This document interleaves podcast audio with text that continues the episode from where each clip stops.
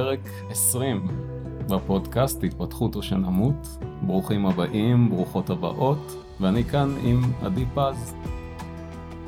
אהלן עדי, בואי תספרי קצת על עצמך, על העשייה שלך. אז כיף להיות כאן, ואני עדי פז, ואני מלווה בעיקר נשים להגשמה קלה, אה, לחיים של שפע, מתעסקת עם כל מה שנוגע לחסמים, אנרגיה וזרימה.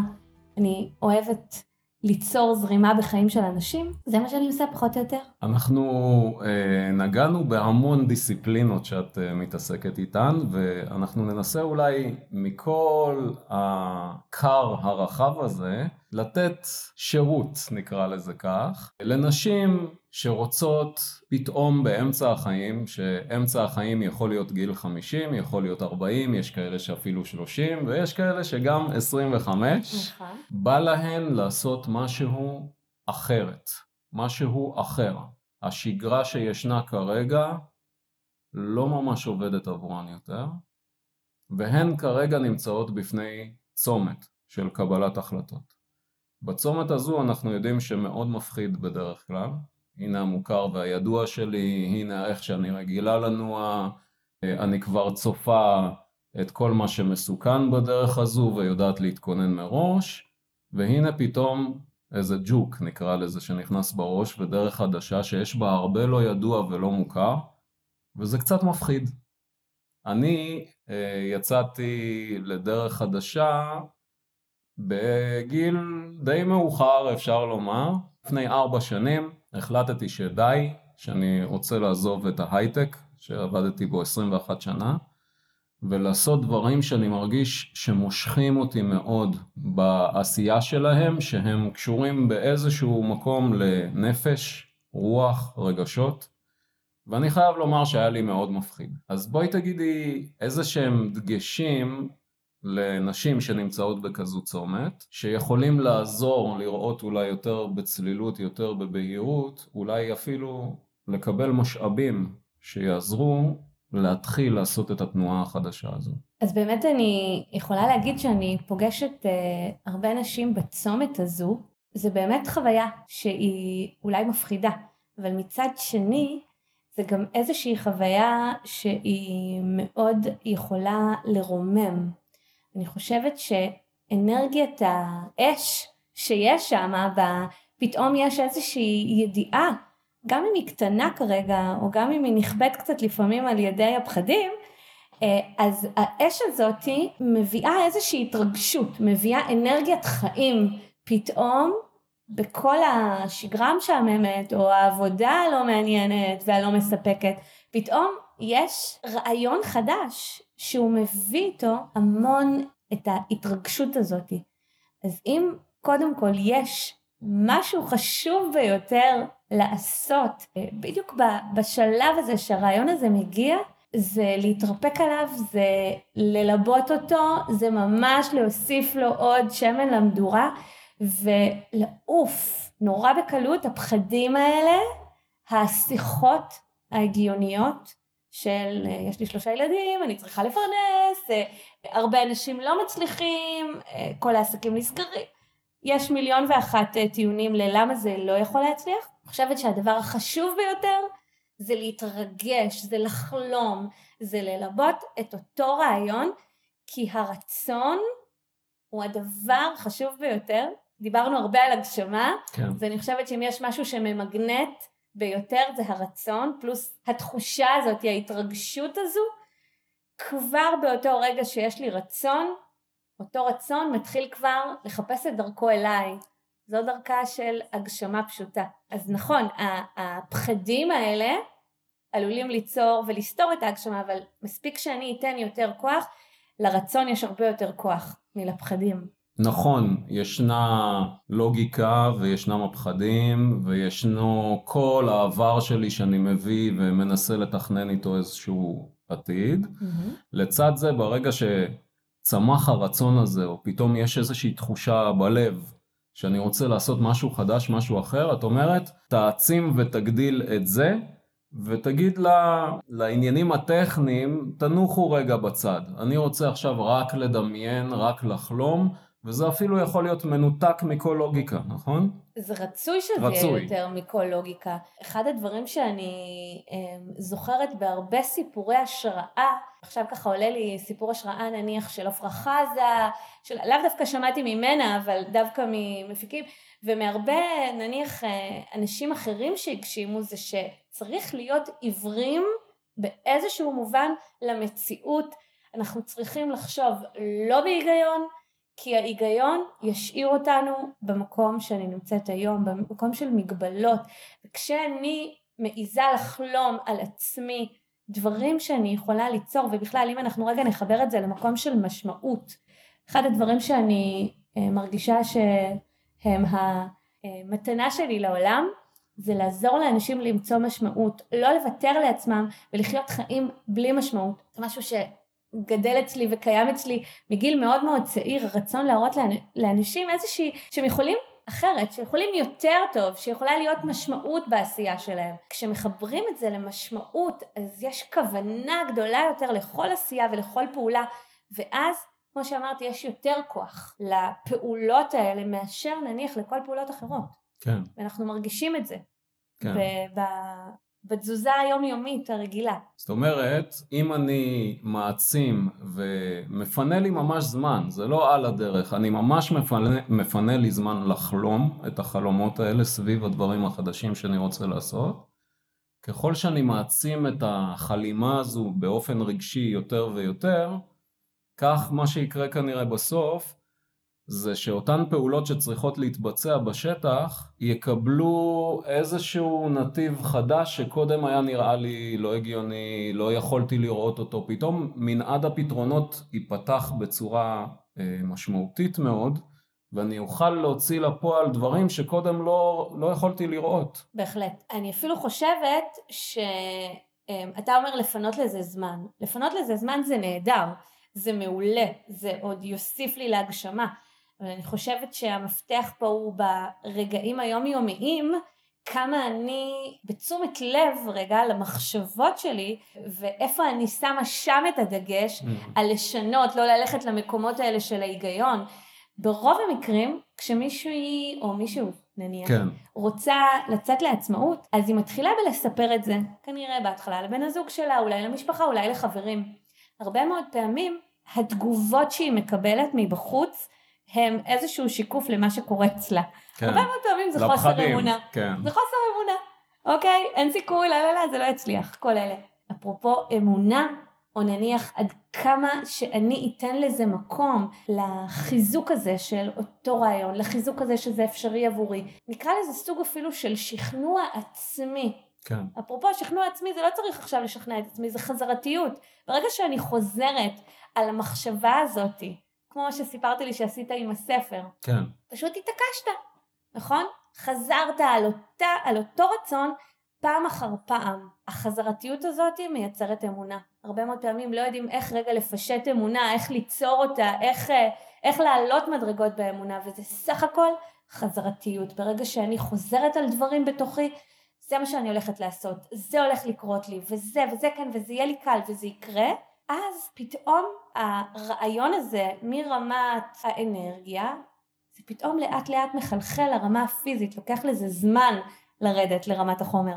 אבל ברגע שזה מתחיל להרגיש טבעי זה כבר יכול לקרות לי לבד, דברים יכולים לקרות לי בקלות ולהגיע אליי, זה הרעיון.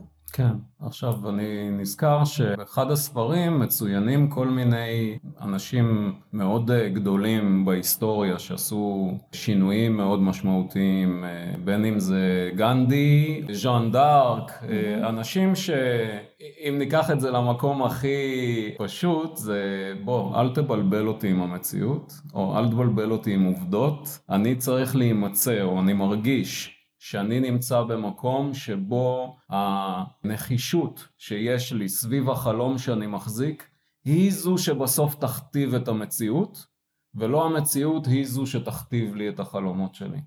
והנחישות אני חושב שזה אחד הדברים הכי חזקים במיוחד כשאנחנו מחזיקים איזשהו חלום ואז אנחנו פוגשים מציאות מנוגדת לחלוטין והיא רוצה להשתלט לנו על החלום ובאמת הנחישות, איך אנחנו אה, מתרגלים את הנחישות הזו, אז כמו שאמרת, חזרתיות זה אחד הדברים הכי חשובים, ואנחנו רואים לא מעט בחומרים של כל מיני אנשים שהם לוקחים רעיון, ואז מספרים אותו מהצד הזה, ואחר כך מהצד הזה, ואחר כך מהצד הזה, והם חוזרים שוב ושוב ושוב, ואני פוגש אה, אנשים שאומרים לי, וואי, תקשיב, הוא אכל את הראש, הבנתי.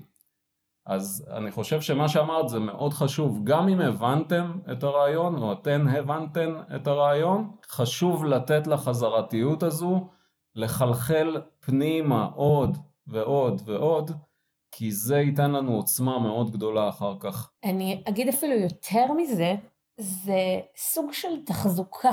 זאת אומרת, גם שפע שאני מתעסקת איתו המון, וכסף, תודעה של אה, רווחה, ובכלל, תודעה של התפתחות, תודעה מפותחת, מבקשת, מחייבת אפילו, לא מבקשת, איזושהי התגייסות, התמדה, אי אפשר בלי התחזוקה היומיומית, יש לומר.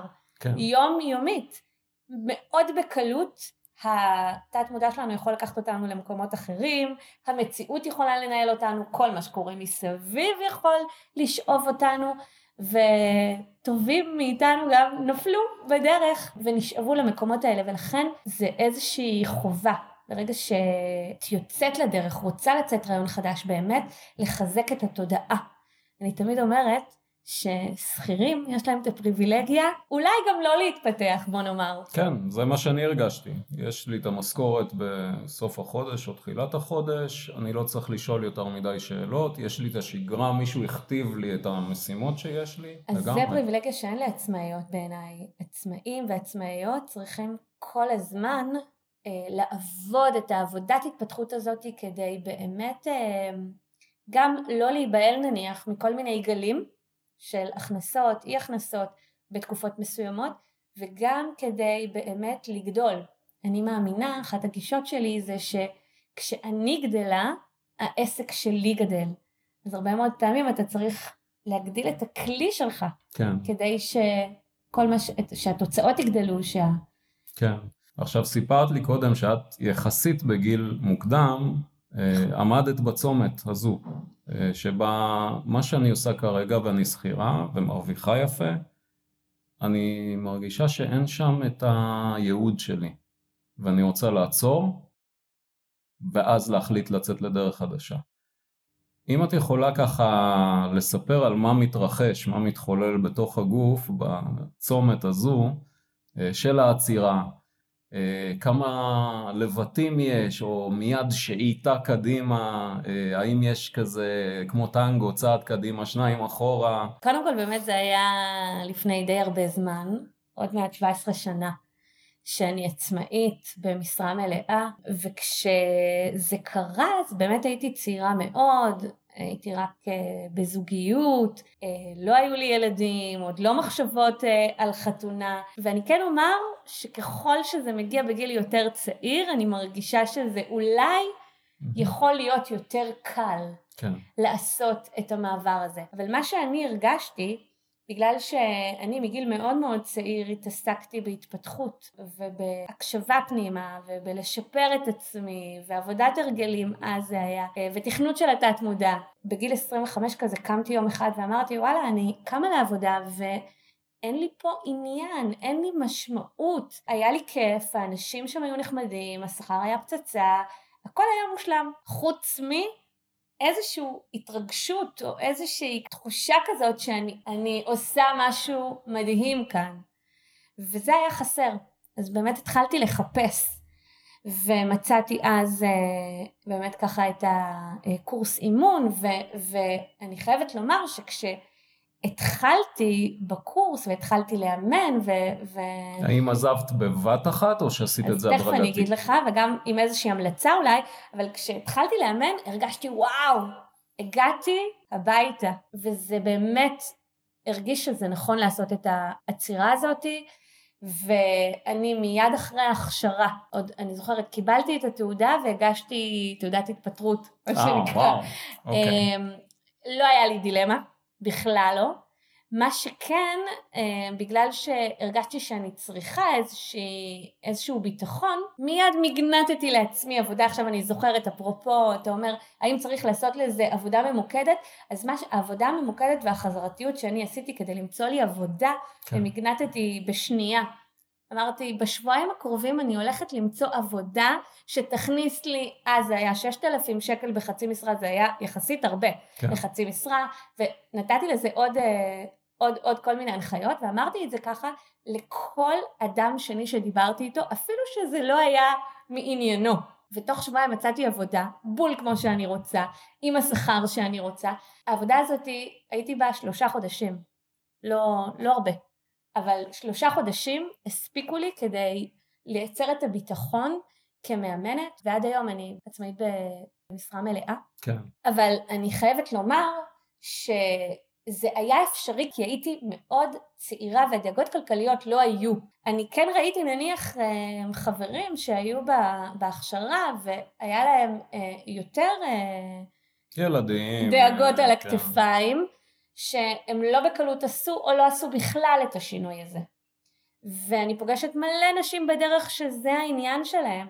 ואני מאמינה שאין רק דרך אחת, זאת אומרת, אם פעם חשבתי תתפטרי, תעשי, זאת אומרת, זו גישה נורא של אה, כן, צעירה והכל או כלום כזה, אז לא, אז היום אני לא חושבת ככה, היום אני חושבת שצריך לבחון בהתאמה לאותה אישה או אותו אדם, מה כדאי לעשות? האם אותה אישה יכולה לפעול בדרך שלה בלי דאגה כלכלית או אחרת, גם אם היא עוזבת את העבודה לגמרי? כי אם לא, אני אמליץ, קחי חצי משרה, קחי שלושת רבעי משרה, קחי כמה שאת צריכה.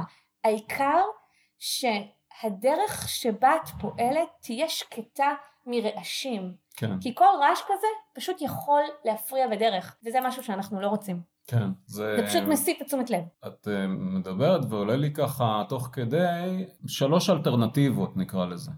אלטרנטיבה ראשונה כמו שקראת לה, הכל או כלום, אני עוזב את הכל, אני מתחילה משהו חדש.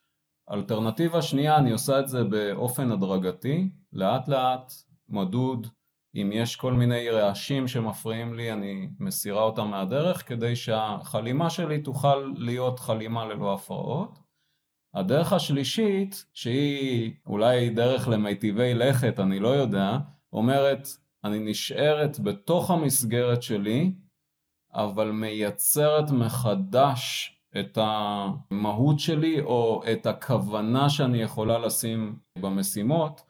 ולמה אני אומר שזו דרך למטיבי לכת? כי נגיד אחד התרגולים אצל נזירים יכול להיות להעביר ערימה של אבנים מצד אחד לצד שני, וכשהם מסיימים הם צריכים להחזיר את הערימה, או שהם מציירים איזושהי מנדלה מחול במשך שעות על שעות על שעות הם מסיימים, מוחקים את המנדלה ומתחילים מההתחלה, כשהתרגול שם הוא בתוך העשייה הכי סיזיפית, הכי שגרתית, הכי בנאלית, איך אתה מביא את המקסימום של הכוונה שלך לתוך מה שאתה עושה. אז יש לנו בעצם שלוש דרכים, כולן טובות דרך אגב. יש כאלה שיגידו אני רוצה לבחור להמציא את עצמי מחדש בתוך העבודה שלי כפי שהיא ולהתחיל להתארגן אחרת, להסתכל על הדברים שאני עושה אחרת. יש כאלה שיגידו אני אמיץ בצורה בלתי רגילה, אמיצה בצורה בלתי רגילה, אני קופצת למים, לא מעניין אותי כלום, ויש כאלה שיגידו לא, אנחנו רוצות את הדרך ההדרגתית, לאט לאט, לשלב, כמו שאמרת, חצי משרה יחד עם החלום שלנו שמתחיל לאט לאט להתארגן. אנחנו מבינים שהדרך לתחזק את החלום היא לא רק מדיטציה, יש מגוון רחב של כלים שיכול לשמש את החלימה הזו, את העצמה של התודעה שלנו, את הגיוס של הרגש. את יכולה לספר אולי על שני כלים ככה מאוד פרקטיים ומאוד מיידיים שנשים שנמצאות בדיוק בצומת הזו ורוצות להעצים את החלימה שיכולות ממש להתחיל לתרגל כבר. אנחנו מדברים על ה... להחזיק את החלום, כן. כי מבחינתי אה, אני לא מנתקת את החלימה מהיום יום, מלהתחיל ולעשות את זה. כן. אה, זאת אומרת ליצור את זה בפועל כבר, את החלום שלי, אם זה את העסק החדש שלי, אם זה, לא יודעת מה, איזושהי יוזמה חדשה שאני רוצה להוציא לפועל. זאת אומרת, מבחינתי אה, החלום הוא שלב חשוב, אבל אה, אפשר גם לעשות את העבודה, כבר להתחיל. וחשוב מאוד גם לעשות את העבודה התודעתית. בשטח. שאני, בשטח, שאני יוצאת בעצם אה, לאור. אם נניח החלימה, אם נקרא לזה, נשווה את זה לזרע, זה בתוך האדמה, אז גם כשאני מבצבצת החוצה, אני עדיין צריכה להמשיך את אותה עבודת תודעה. ואולי אפילו הרבה מאוד פעמים המפגש עם המציאות הוא מקשה יותר ושם אני צריכה אולי לעשות עבודת תודעה יותר משמעותית. אני יכולה להגיד ששגרת בוקר טובה, שגרת בוקר ואולי גם שגרת לילה, כן. אמ, זה אולי אחד מהכלים הכי משמעותיים שקיימים. זה יכול להיות באמת על טווח רחב של, של תרגולים שאפשר לעשות בבוקר. המהות העיקרית של תרגול הבוקר זה כניסה פנימה, איזשהו צ'ק אין כזה של מה, מה קורה איתי היום, mm-hmm. והתכווננות לא, לאותו יום שאני הולכת אליו, ואולי אפילו הודיות ו- ותפילות, או כל, כל אחד ובאמת הדרך שלו. אני באופן אישי עושה מדיטציה, מדיטציה לא מונחית, מדיטציה שאני מנחה את עצמי. ובלילה לפני השינה גם נכנסת או שומעת לי קצת אה, הצהרות חיוביות או נכנסת לאיזושהי מדיטציה וגם אם אין לי כוח אז תהיה איזושהי התכווננות א' לחלימה שאני רוצה וב' למין אה, הצהרת מטרה כזאת שיש לי קבועה שאני מטפטפת לי אותה כל ערב, מין מוסיפה את הדמיון ואת הרגש הגבוה אבל אני חושבת שהשגרת בוקר ולילה כן. הם באמת אה, גם לחלימה וגם ליום יום שלנו, הם מה ששומר עליהם, כמו עוגנים כן. שאסור בעיניי לפספס אותם. עכשיו נניח... אולי כדאי שנסביר למה בוקר ולילה ולא אמצע יום, מה, מה מיוחד בבוקר ובלילה? מה שקורה בלילה ובבוקר זה שבאמת בשלב הזה שבו אני לפני התעוררות ולפני השינה, יש את הדמדומים האלה, זה מצבים שבהם אנחנו נמצאים לפני ההירדמות. מצב של גוף שהוא רגוע, מצב של אה, גלי המוח שלנו מאטים, ואז כל הגוף שלי וכל התודעה שלי ערוכה יותר לשינוי. ולכן זה מצבים שהם מאוד מאוד טובים להטמעת שינויים ולהטמעת תכנותים חדשים וכל מיני באמת הצהרות חדשות שאני רוצה להכניס לעצמי. אני כן אבל חייבת לומר שנניח אני את תרגול הבוקר שלי מעבר למה שאני עושה בשלבים של ההתעוררות Mm-hmm. את תרגול הבוקר שלי, שזה המדיטציה ויותר הודיות ולפעמים גם כתיבה, את זה אני עושה אחרי שאני משחררת את כל בני הבית החוצה ויש לי את הזמן שלי, אז אני עושה את השלב הזה, יש לומר שלפעמים אני עדיין נכנסת, ל... זאת אומרת חוזרת לאותו מצב של אה, חצי התעוררות. כן, אז אלה השעות שהתודעה האנליטית שלנו, נקרא לזה החלק ההגיוני שלנו שעושה את ההיקשים, מסקנות וכולי, הוא נח, הוא קצת פחות אה, נמצא שם בדרך להפריע לנו, ואז כמו שאמרת אנחנו, הסוגסטיה היכולת שלנו להשתכנע מכל מיני מסרים, או שאנחנו מוסרים לעצמנו או מבחוץ, היא הרבה יותר אה, גבוהה, ולכן ההמלצה היא על בוקר וערב. הזכרת בקצרה את העניין של כתיבה. כן. הכתיבה ככתיבה אינטואיטיבית, או ככתיבה שאני צריך לחשוב מה אני כותב, מה היית ממליצה לאנשים שרוצים לקחת את הכתיבה כתרגול? זה איזושהי טכניקה שאני זונחת ומאמצת, אני, okay. היא אוקיי. לא, עכשיו היא פשוט חזרה קצת, ל, חזרה קצת לתודעה שלי, אז uh, מה שאני עושה באמת זה פשוט כותבת, נותנת ליד uh, ללכת, כן. לפעמים אני שואלת את עצמי שאלות תוך כדי כתיבה, שמתעוררות אצלי, אבל באמת כמה שפחות אה, לכוון, לכוון את זה. כן אני מכוונת בסוף תמיד לכתוב הודיות ודברים שאני שמחה עליהם כדי להעלות את התדר, אבל זה לא, לא מחייב. בעיקר אני כותבת בצורה מאוד מאוד אינטואיטיבית. כן. אני חושבת שהכלי דווקא השני שהייתי רוצה להגיד, שהוא בעיניי סופר משמעותי, לקוח מהאופונופונו שדיברנו okay. אוקיי. עליו קצת. אופונופונו זה שיטה מהוואי, הגדולה שלה זה בפשוט. הפשטות שלה. אופונופונו זה שיטה שאומרת שהכל, כל מה שקורה לי הוא באחריותי. אוקיי. Okay. אוקיי? Okay? כל מה שאפילו קורה בשדה שלי אבל אם אני אשקיע רגע דקה בתשומת לב לנקות ולשחרר באמצעות ארבעה משפטים מאוד מאוד פשוטים, Mm, אני יכולה ממש אה, לנקות, לשחרר ולאוורר את כל מה שקורה פה, ו- ובעיקר זה עובד על, על שדות האנרגיה. כן, לא, לא נעמיק בזה, אבל אני בעצם אומרת ארבעה משפטים לעצמי. כן, אני אוהבת אותך, אני מצטערת, סלחי לי ותודה. עכשיו מה שקורה כשאתה אומר את זה זה כבר איזשהו ניקיון, אבל זה גם לוקח את תשומת הלב שלך מכל מיני מחשבות אה, פחות נניח נעימות למקום שאתה רוצה, למקום של רגשות אה, נעלים. כן, זה מבחינתי, זה אני תמיד אומרת, זה האנטיביוטיקה שלי, זה הפלייר, זה הכדור לכאב ראש, זה, זה פשוט כמו עזרה ראשונה. שוויצרי. אבל משוכלל, כי זה יכול להיות שאני אתקע במשהו שנתקע לי, כמו הטלפון לא עובד, או שער שלא נפתח, או להכניס חוט במחט. כן. ואני רוצה שהכל יקרה בשנייה, וזה עובד, או זה יכול לקרות גם מישהי שהצליחה לרפא אה, חסימה שהייתה צריכה צנתור כן, בתרגול של חודש על דבר כזה, זאת אומרת יש טווח רחב מאוד של מה שאני יכולה לשחרר דרך האופונופונו. וזה כדאי גם בבוקר, גם בערב. זה כזה, כל הזמן, כל הזמן. אבל בעיקר כשאני נתקלת בקושי, בדברים שלא עובדים לי, בדברים שמשתבשים, בחוסר אמונה, במחשבות שליליות, יש כל מיני את הפחד הזה שנניח אני פתאום חושבת מחשבה לא, לא, לא יודעת מה, דאגה למישהי, ואז כאילו חס וחלילה שאני לא, שזה לא יתגשם לי, אז אפשר כאילו, מה שנקרא, בטל ומבוטל עם האופונופונו, אני פשוט מנקה את, כן. את מה שקרה עכשיו. נשים שמחליטות כן לצאת לדרך, קודם אמרת שכדאי כבר בהתחלה לצד החלימה, לצד החזקת החלום, להתחיל להניח על הקרקע אה, צעדים פרקטיים לקראת. צעדים פרקטיים שהם כמו לחשוב על שם לעסק, צעדים פרקטיים שהם כמו לפתוח כבר חשבון בנק לעסק. לא יודעת אם אלה הדברים הראשונים אז שהייתי כן, ממליצה, אז הייתי רוצה, ככה, אם אבל תוכלי לומר. אה, נניח, ו...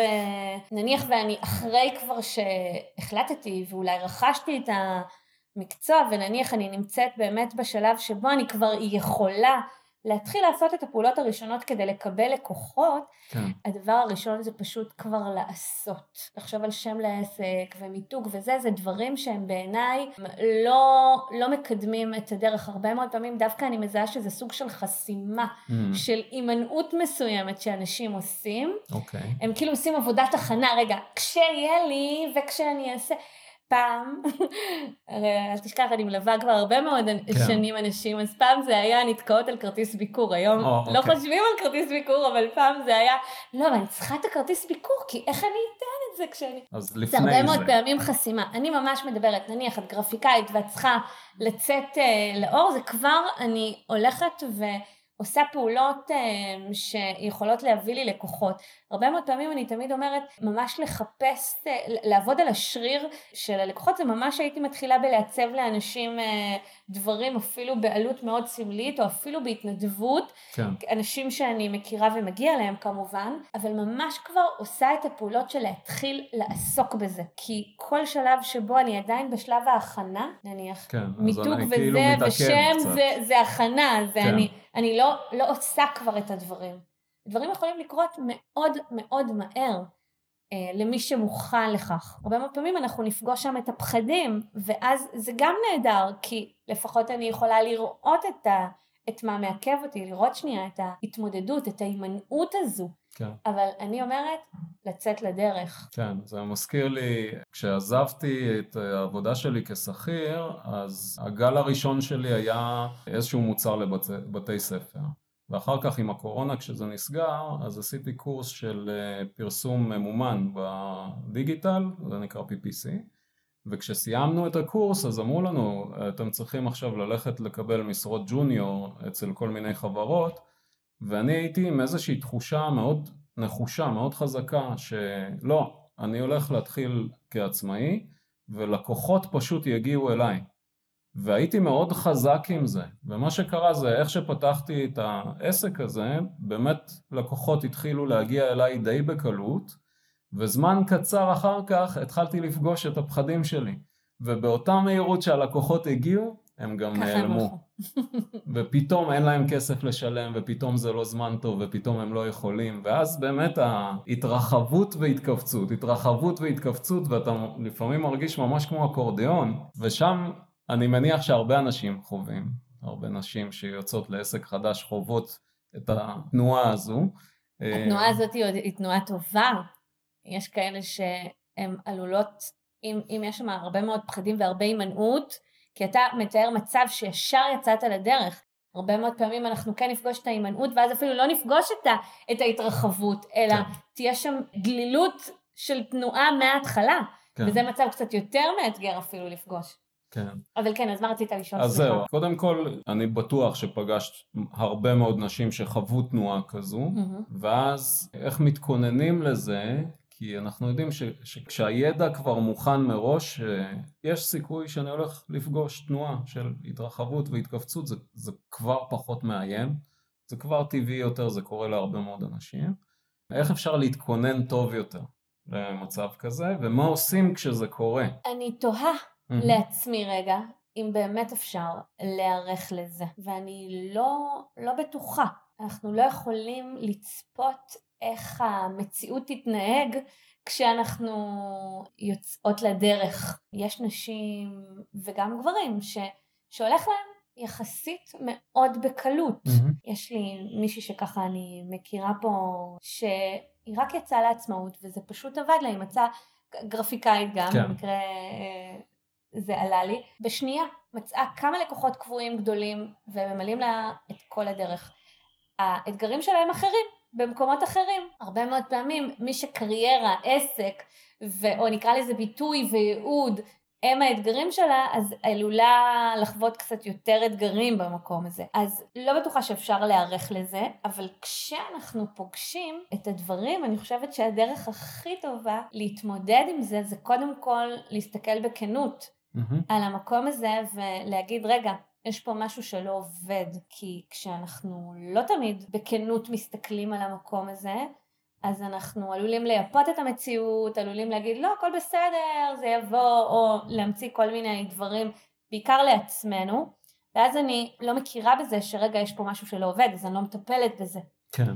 אז אני חושבת שכנות זה הדבר החשוב ביותר, וואנס אחרי זה באמת זה לראות מה הטריגר שמופעל פה, על איזה במפר עלינו, מה, מה קרה כאן.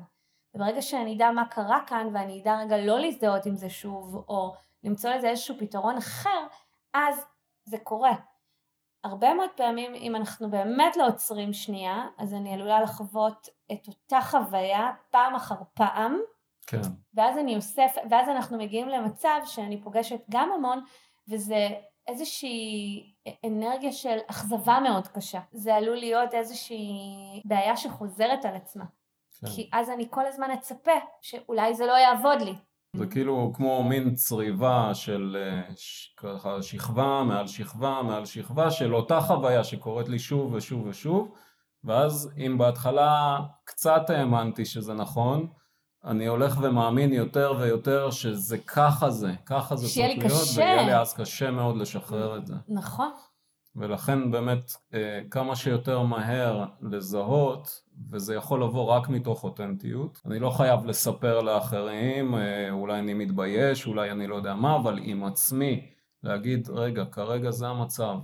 אני חווה במפר כזה, כמו שאמרת, או שוב עולים לי אה, דפוסים מהעבר שאני מזהה. ואולי באמת פה המקום לדבר על הדחקה רגשית, או התעלמות מרגשות, או אוורור והכרה ברגשות, מהמם. כמה, כמה חשוב זה בתהליך הזה. זה מאוד מאוד מאוד חשוב. אני גם חושבת שאני סבלתי מזה הרבה מאוד שנים.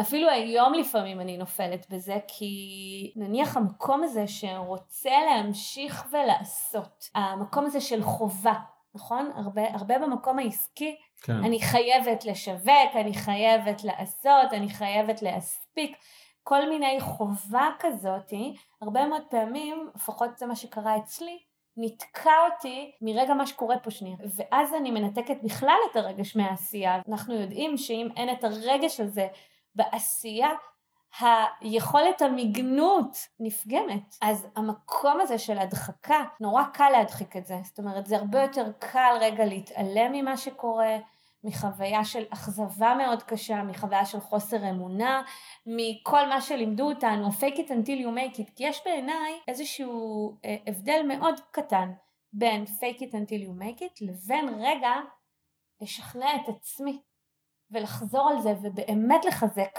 את האמונה שזה יכול לקרות עבורי. ההבדל הקטן הזה הוא מה שיכריע האם באמת זה יעבוד או לא. כן. אני מרגישה שכנות ולא לפחד מלהרגיש את מה שאני חווה. אני הרבה מאוד פעמים חוויתי את המפגש הזה עם האכזבה, עד היום לפעמים הוא חוזר אליי.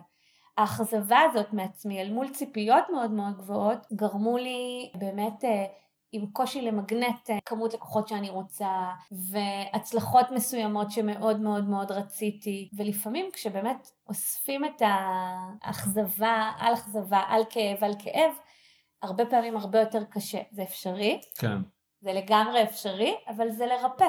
זה כמו לרפא לב שבור אני קוראת לזה. אני עובדת על זה גם. כן. אני, אני קוראת לזה לרפא את חוויית ההצלחה. עכשיו שעולים לי תוך כדי העשייה החדשה הזו רגשות שליליים, מה אני אמור לעשות איתם? נאמר שאני קם בבוקר ואני צריך לגשת למשרד, לקליניקה, לא משנה לאן, ואני מרגיש פתאום אה, פחד. או פתאום חמוץ, או פתאום הקולות שעולים הרבה פעמים זה וואי, מה אני עושה? איזה שטות אני עושה? אני צריך לחזור מהר אחורה, או כל מיני כאלה. איך הכי טוב לפגוש בהם? האם אני צריך לכתוב אותם בצד, הנה היום קרה לי כך וכך, האם אני צריך לבקש שיצאו החוצה לחלל העולם, איך הכי טוב להתמודד עם מפגש כזה? אני לא יודעת אם יש דרך אחת שהיא טובה, אני חושבת שבאמת כל אחד צריך למצוא את הדרך האישית שלה. כן. או, או אני כן יכולה להגיד שיש משהו שחשוב מאוד לעשות, זה לשים לב לזה קודם כל. כן. הרבה מאוד פעמים, אם, ה... אם אני לא נוכחת, אם אני לא מספיק קשובה רגע לעצמי, זה יכול פשוט לנהל אותי אי שם ואני, ואני לא אהיה במודע לזה. כן. אז, כל, אז הדבר החשוב ביותר זה קודם כל להביא את זה למודע, אני קוראת לכלי הזה תשומת לב. תשומת לב זה הדבר החשוב ביותר. מה שאני היום עושה זה רגע מתבוננת על זה, זאת אומרת שומעת את זה, ואני אומרת לעצמי, טוב דידוש, מדברת לעצמי יפה, כן? כן. בדיבור הפנימי היפה. אה, אני שומעת, אבל אני לא מאמינה לך. יש קול בתוכי שמטיל ספק בזה. אני לא מאמינה לזה, אבל אני מזהה את זה. זאת אומרת, אני מזהה, את עכשיו פוחדת, סבבה, בוא פחד בוא, בוא, בוא נרגיש אותך, בוא נחווה אותך. מה אתה רוצה באמת להגיד, אוקיי? כן. מנסה לנהל איזושהי שיחה שם עם הרגש, אם יש זמן. אגב, אם אין זמן, אני אגיד, טוב, אני דוחה שנייה את ה... רואה אותך, שמעתי אותך, בוא נדבר רגע אחר כך. אוקיי. אבל לא, לא, לא באמת מתעלמת מזה. אז הרבה מאוד פעמים זה כזה אפילו שיחה שאין לה בהכרח מילים, אלא יותר כזה איזה מין חיבור לה, לאותו רגש. להתחבר אליו, לתת לו רגע להתפשט. כן. כי רגש רוצה לצוף על פני השטח, רוצה להתפשט, הוא לא רוצה שנעצור אותו. אם אני מתכווצת ומתעלמת, הוא נתקע. כן. אז הוא נתקע כנראה באחד התאים בגוף, עלול לייצר לנו כנראה באותו מקום, פעם אחר פעם עלול לייצר גם קושי, מחלה, עניינים, רגישות.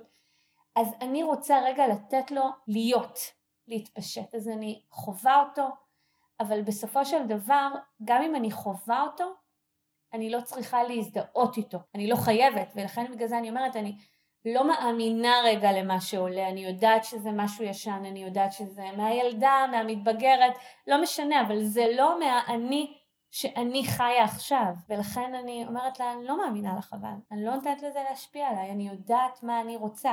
ואז אני יכולה או לעשות מדיטציה או לעשות רגע איזושהי שיחה פנימית כזאת של הצהרות חיוביות, כל, כל מה שעולה לי באותו רגע, אבל כן. אני ללא ספק עושה עם זה עבודה. אז נשמע באמת שסוג של דיבור פנימי כזה תוך כדי שאני מזהה את הרגש שמגיע זה מרכיב מאוד מאוד חשוב בהבאת המודעות או תשומת הלב למה אני חווה כרגע, מה קורה לי כרגע. אז זה משהו לקחת בחשבון שמאוד יכול לסייע. אני רוצה לשאול אותך על החלוקה הזו שיש. יצאה האישה אל העסק החדש, מתחילה את דרכה החדשה.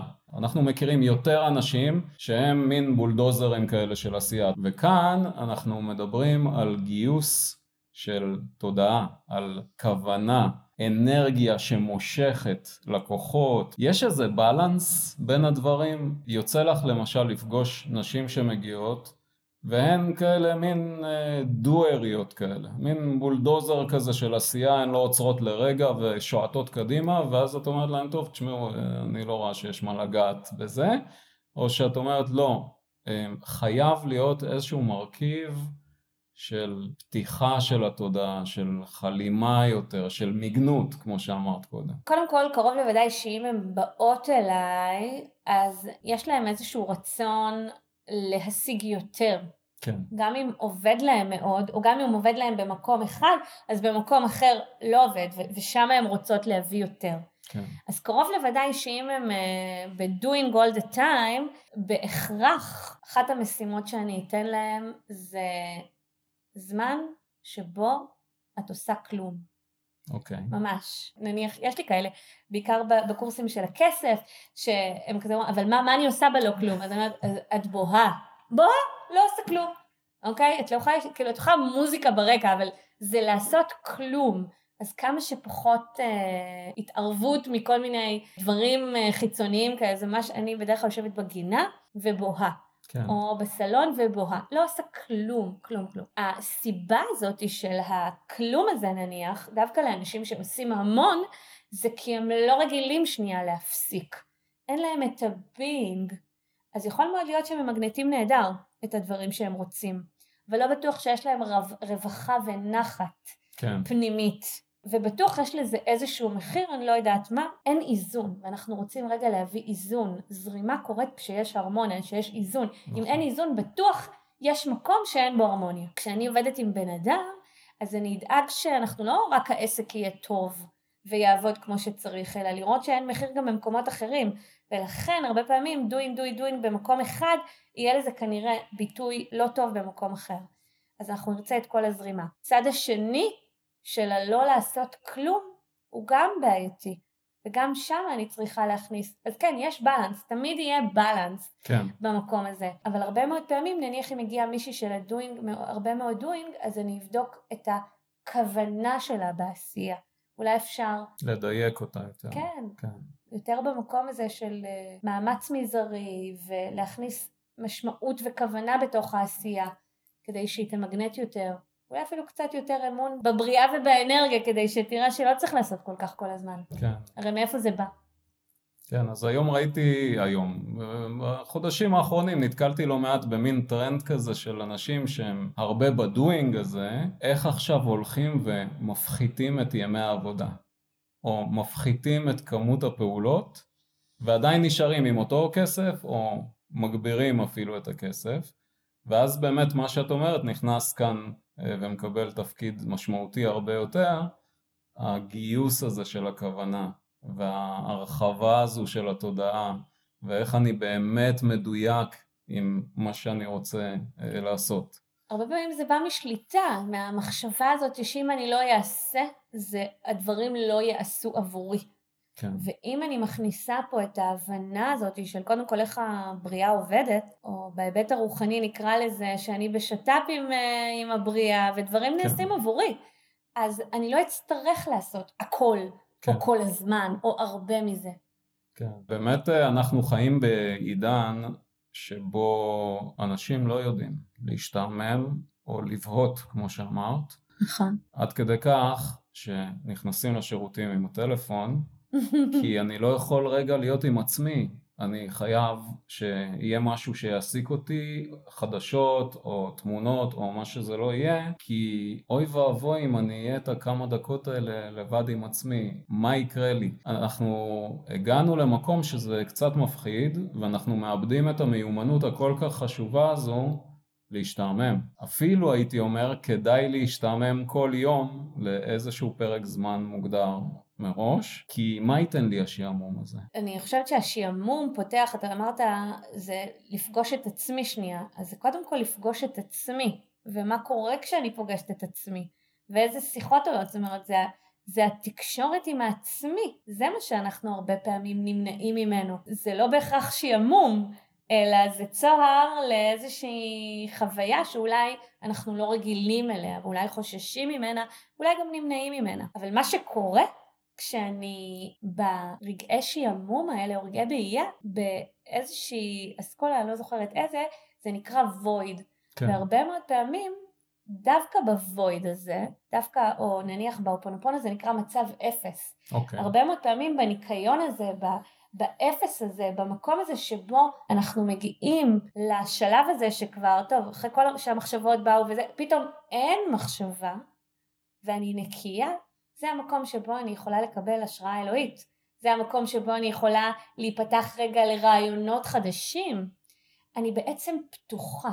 הרי תחשוב שרוב הזמן שאני בדואינג, הפוקוס שלי הוא נורא מצומצם, כן. מכוון כן. למקום מסוים, אפילו באיזשהו מקום סטרס קצת, כאילו, כי כן. אני באיזשהו עשייה, השדה שלי לא רחב, הוא לא פתוח רגע לקבל ולהקשיב. ולכל אחד מאיתנו יש יכולת רגע לקבל איזשהו ידע, רעיון או אפילו פתרון לבעיה שיש לי מהתודעה היותר גבוהה שלי. וכשאני mm. ברגעים האלה, זה השלב שבו יכולים לבוא הרעיונות האלה, ההשראות האלה, היצירתיות הזאת. אפרופו גם שמעתי שוורן באפט, יש לו חמש שעות באייה ביום לפני שהוא מתחיל לעבוד ורק אז הוא מתחיל וואו. לעבוד. יש הרבה הרבה הרבה ערך במקום הזה שאנחנו לא, לא מפנים לו מספיק זמן וחשיבות. כן, במיוחד שוב בחברה כמו שלנו שנמדדת בעיקר על doing, בעיקר על מעשים. אני זוכר שאחד הדברים שאני הייתי צריך להתמודד איתו היה אם אתה לא עושה, אתה לא כל כך נחשב. אתה לא מקבל ביטוי בעולם הזה שאנשים יכולים לקחת אותו ולמדוד אותך עם אותו ביטוי. פגשתי לא מעט אנשים שכשדיברנו על מדיטציה ועל בינג, התפיסה שלהם הייתה, אה, אז אתה עכשיו תשב לך במקדש הקטן שלך ויפלו לך שקים של כסף על הראש בלי שתעשה דבר? לא יכול להיות, אין דבר כזה. וקודם דיברת על איזון, אז האיזון הוא באמת לא להיות בקיצון הזה שהנה אני נזיר שיושב באיזה מערה וכל מה שאני עושה זה רק מדיטציה ואני לא מתערה בכלל בחיים של העולם הזה. לעומת אה, קיצון שני שאני באיזושהי אינרציה שאני לא מסוגל אפילו לעצור רגע ולראות אה, לאן אני הולך בדיוק. אז האיזון הזה הוא, הוא כל כך כל כך חשוב ובאמת אנחנו צריכים להבין ששני הדברים תומכים אחד בשני ולא מפריעים אחד לשני. נכון. וגם לרגעים יהיה יותר מה doing ולרגעים יותר מה being זה גם בסדר כל עוד אני מאזנת ביניהם אפילו אני חושבת שיש משהו שאם אני נותנת את הזמן ל being כמו הכנה לקראת העשייה כשאני ניגשת אחר כך לעשות אז זה פתאום קל יותר, בהיר יותר, פשוט יותר. זה כמו לבשל, אתה מבשל את זה רגע בדמיון, ואז כשאתה מגיע לרגע העשייה, פתאום זה עובד יותר בקלות, יותר כן. חלק. כן. כי כבר לכאורה התאמנת על זה, הכנת את האנרגיה המתאימה לאותו דבר. אז כן, הם לגמרי תומכים אחד בשני, ואי אפשר בלעדיהם בעיניי. כן. זאת אומרת, גם אם זה מצליח לאחרים, כנראה שהם עושים את זה אולי בצורה לא מודעת, או הסבר כלשהו אחר, שלא לא כזה כרגע מעניין אותי. אני חושבת ש... למי שמתעסק בזה וזה מפריע לו ואין את האיזון, חשוב לדעת שזה הדרך שבעיניי זה צריך לעבוד. וזה באמת מוכיח את עצמו גם בתוצאות. כן, מה קורה עם ילדים שיוצאים לדרך באמצע החיים, לדרך חדשה, ויש ילדים בבית, ואז צריך לדאוג לילדים, יש לי עסק, מערך הכוחות משתנה, האבא נוכח יותר, האימא לוקחת על עצמה את כל התפקידים, איך ילדים מסתכלים על אימא או הורה בכלל שפתאום באמצע החיים עצר ויצא לדרך אחרת, האם הם מקבלים מזה השראה או שהם נלחצים מזה מאוד והם גם מתחילים להוות חלק מהפחדים שאנחנו שומעים בתוך הראש שלנו. אז אני חושבת שהשאלה שלך מאוד מאוד תלויה באיזה גיל הילדים כשזה קורה. כן. אמ, כשהילדים קטנים, אני הבנות שלי הן קצת יותר קטנות, או לפחות מאז ומתמיד, זאת אומרת אני את ההריונות עשיתי תוך כדי העסק, אז הם נולדו לתוך מציאות שאימא וגם לימים גם אבא, שניהם עצמאים, חלק מהזמן בבית ואימא עובדת בערב, וכאילו הבנות שלי יודעות יש זום בערב והן צריכות להיות בשקט, או הולכת רגע לסדנה, או לריטריט, פתאום לא נמצאת בסוף שבוע. אני חושבת שמאז שהן קטנות הן התרגלו לזה, אז אין איזה משהו שהן נאלצו להסתגל אליו. כן. אני מרגישה שאולי במקומות אחרים שבהם פתאום מציאות משתנה בכל מיני דרכים. כן. זה יכול להיות אולי אם פתאום מכניסים פחות, או אולי פתאום אימא לא נמצאת בזמנים מסוימים. הדברים האלה יכולים אולי לעורר איזה שהם אה, עניינים אה, אל מול הילדים. אני מעריכה שאם מתקשרים נכון את השינויים, גם לילדים, אז הם צריכים רק ליהנות מזה, או לתמוך בדברים האלה, אולי גם השראה.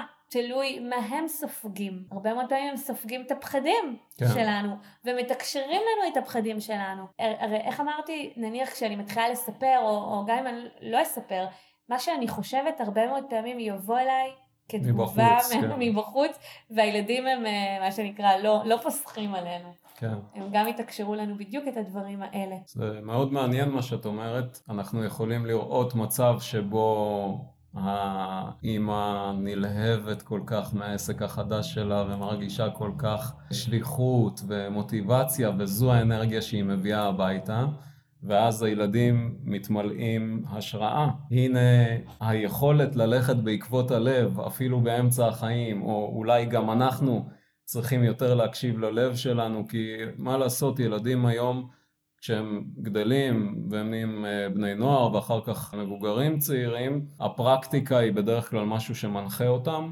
ופחות הלב. נכון. אה, המוח אומר לי איזה מקצוע אני צריך ללמוד, שהוא זה שיכניס לי יותר כסף, אני אלך ואלמד את המקצוע הזה, מה הלב רוצה, לא כזה חשוב. ובאמת לראות דמות הורית בבית שככה פתאום עצרה באמצע החיים, פנתה לכיוון אחר. שיש בו את ההתלהבות ואת השליחות, יכול לקחת את הילד לשיעור מאוד משמעותי ומאוד חשוב, אה, ללכת עם הלב שלו, להקשיב ללב שלו בדרך שבה הוא הולך. נכון, אבל זה גם מצריך את זה שאנחנו נתקשר את זה. כן. אוקיי? הרבה מאוד פעמים אני מוצאת שלא מתקשרים את זה מספיק לילדים, ואז הם לא תמיד נרתמים, או לא מקבלים את ההשראה, אבל זה באמת מאוד תלוי ב... באופן שבו אני מחזיקה את זה אל מול הבית. ואז באותו אופן, כמו שציינת קודם, אם זה הפוך, ואני רק נושא את הפחדים שלי ואת התסכול שלי, הנה התכווץ לי העסק, כי עכשיו כולם בחופשת פסח ואין הכנסות וכזה, ואני מביא את זה הביתה אל מול הילדים, אז סביר שהם יתחילו להשמיע את הקול של... לגמרי. זאת לא הדרך הנכונה. זו טעות, צריך לחזור אחורה. אם הם גדולים יותר אז אולי כן. הם, יגיע, הם, הגיעו, הם הגיעו למקומות האלה, אבל כן, בהכרח. כן. הרבה מאוד פעמים הילדים ישקפו לי את, ה... מה כן. שאני. אז זהו, אז זה משהו שככה אני חושב שכדאי לשים לב אליו, שאנחנו יכולים לשמוע גם את הקולות האלה וגם את הקולות האלה, ואם אנחנו לא מצליחים מתוך עצמנו לזהות באיזה מצב אנחנו נמצאים, אז הנה הקולות משני צידי המתרס שישקפו לנו ו... יגידו לנו רגע בואו אנחנו נותנים לכם הזדמנות לראות איפה אתם נמצאים כרגע וזה עוד משהו שאפשר לקחת לתשומת נכון, הלב. אבל לפעמים חשוב להגיד במקום הזה, יכול מאוד להיות שיש איזושהי שיחה שפתאום חוזרת. כאילו התמודדתי איתה, אני כבר עברתי אותה לכאורה, ופתאום היא צצה לי שוב. פוגשת אותה פתאום דרך נניח שלושה אנשים מסביבי פתאום אומרים לי. כן. את הדבר הזה. זאת אומרת, זה אולי שאריות. אוקיי. זאת אומרת, הרבה מאוד פעמים זה דווקא, אם פגשתי את זה אחרי הרבה זמן שנניח לא, שכבר אני מרגישה שאני... שזה מאחוריי. מאחוריי, אז זה יכול להיות דווקא איזושהי, איזשהו מפתח להבין, אוקיי, זה בא כדי שאני שוב לא אאמין לזה, לא אזדהה, וזה איזשהו מפתח דווקא לקפיצת מדרגה. כן, זה מתחבר עם זה שאומרים שההתפתחות היא, היא בעצם לא לינארית, זה משהו שהוא יותר ספירלי. ואז אם הוא יותר ספירלי, אז אני יכול לראות את אותו אירוע, אבל מרבדים שונים על הספירלה, ואז הוא נראה לי, כשאני למטה, מאוד חזק ועוצמתי, וכשאני עולה פתאום שונה, קליל יותר, עדין יותר, עוד איזשהו צ'אנס לגעת בזה ולראות שבאמת זה כבר לא נוגע בי. ואז אה, באמת זו דרך... נכון, אבל אני חייבת לומר כן. שפשוט בעולם של ההתפתחות האישית, שאחרי הרבה מאוד שנים שאני בעולם, אז יש נטייה לחשוב ששיעורים נגמרים, כן, אבל הם לא. הם לא. כאילו אני יכולה אחרי 20 שנה לפגוש את אותו שיעור, כן, נכון, אני אחרת, כן. וההתנה... והחוויה שלי אל מולו היא אחרת, והתגובה היא אחרת, כאילו אני שומעת פשוט הרבה פליאה, כן. או, איך זה או לא... אכזבה, כן. איך יכול להיות שאני פוגשת את זה שוב ואני כבר סיימתי? כן. ש... בעיניי אין שיעורים שמסתיימים. שהסתיימו, אוקיי. אני פשוט אפגוש, רובד אחר של כן, אותו כן. דבר. כן. ולפעמים אותו שיעור שכבר פתרתי, פתאום יבוא לי באין כניסה, ואני לא אבין איך הוא טלטל אותי פתאום. זה קורה. אני חושב שזה חלק מהפן האנושי שלנו. הרבה פעמים אני פוגש בעבודת הרוח אנשים שכל כך רוצים להתעמק ברוח וכל כך להתעסק רק בזה, והם שוכחים קצת שבאנו לחיות בתוך גוף. אנושי, וזו מהות החיים, השילוב הזה של נקרא לזה נשמה וגוף, החיים כיצור כלאיים כזה. ואז מעצם היותנו בתוך גוף אנושי, אנחנו צריכים לקחת בחשבון שתלווה אותנו האנושיות שלו לאורך כל החיים, וזה אומר גם לפגוש שוב ושוב שיעורים מסוימים, שוב מהמם. ושוב את אותם רגשות נמוכים שאנחנו יכולים לפגוש, אפילו אם אני בטוח שאין, ניצחתי את זה והנה נפתח לי השפע ואז פתאום עוד עשר שנים אני חווה איזשהו קיבוץ ואז פתאום עולים פחדים. אלה דברים שקשורים בגוף האנושי שלנו ואנחנו צריכים לגלות הרבה הבנה אה, עד סוף חיינו לזה שזה בא איתנו, בדיוק כמו הילד הקטן או הילדה הקטנה שבאים איתנו עד הסוף. נכון. זה, זה דרכו של עולם. כן, כן. אה, אני רוצה להגיד לך תודה רבה רבה, ונהניתי מאוד על השיחה הזו. אני מקווה שתרמנו לנשים וגם לגברים שנמצאות, נמצאים באיזושהי צומת ורוצים להתחיל לנוע. אה, למי שרוצה או אולי רוצה, לבוא ולעשות איתך עבודה בדיוק בעניין הזה. זה אצלך כאן בקליניקה בבית, זה ריטריטים, זה קורסים אונליין. אז יש מגוון, אוקיי. מגוון רחב. אפשר לעבוד איתי ברמה האישית או באמת בעתלית אה, או בזום. יש לי לא מעט אה, קורסים שמתעסקים אה, בנושאים של הגשמה, יצירת מציאות, כסף, הצלחה ושפע. נושאים שאני עושה עליהם מאסטריות. אגב, דווקא מתוך החוויה האישית שלי, כי לי זה לא קל או לא היה קל. אז בגלל זה אני מלמדת, אני תמיד מלמדת מתוך החקירה האישית שלי. אז אכזבות וכישלונות אני חוויתי ויודעת רגע להבין את כל אלה שנמצאים במקום הזה. אמ, יש לי גם ריטריט, באמת הריטריט הבא הוא לעצמאיות, שמאוד מאוד מומלצים למי שרוצה ככה קפיצת מדרגה מואצת, אפשר לעבור שם אה, תהליכים מואצים. ויש לי גם מועדון חודשי, קבוע, אני קוראת לזה התפתחות על אש קטנה, מי שמבין שצריך את זה כל הזמן, זה המגוון, מהמם. לא מעט, אז אנחנו נשים קישור לאתר שלך כן, בתוך הפרק, ותודה רבה שהייתם והייתן איתנו להתראות. תודה.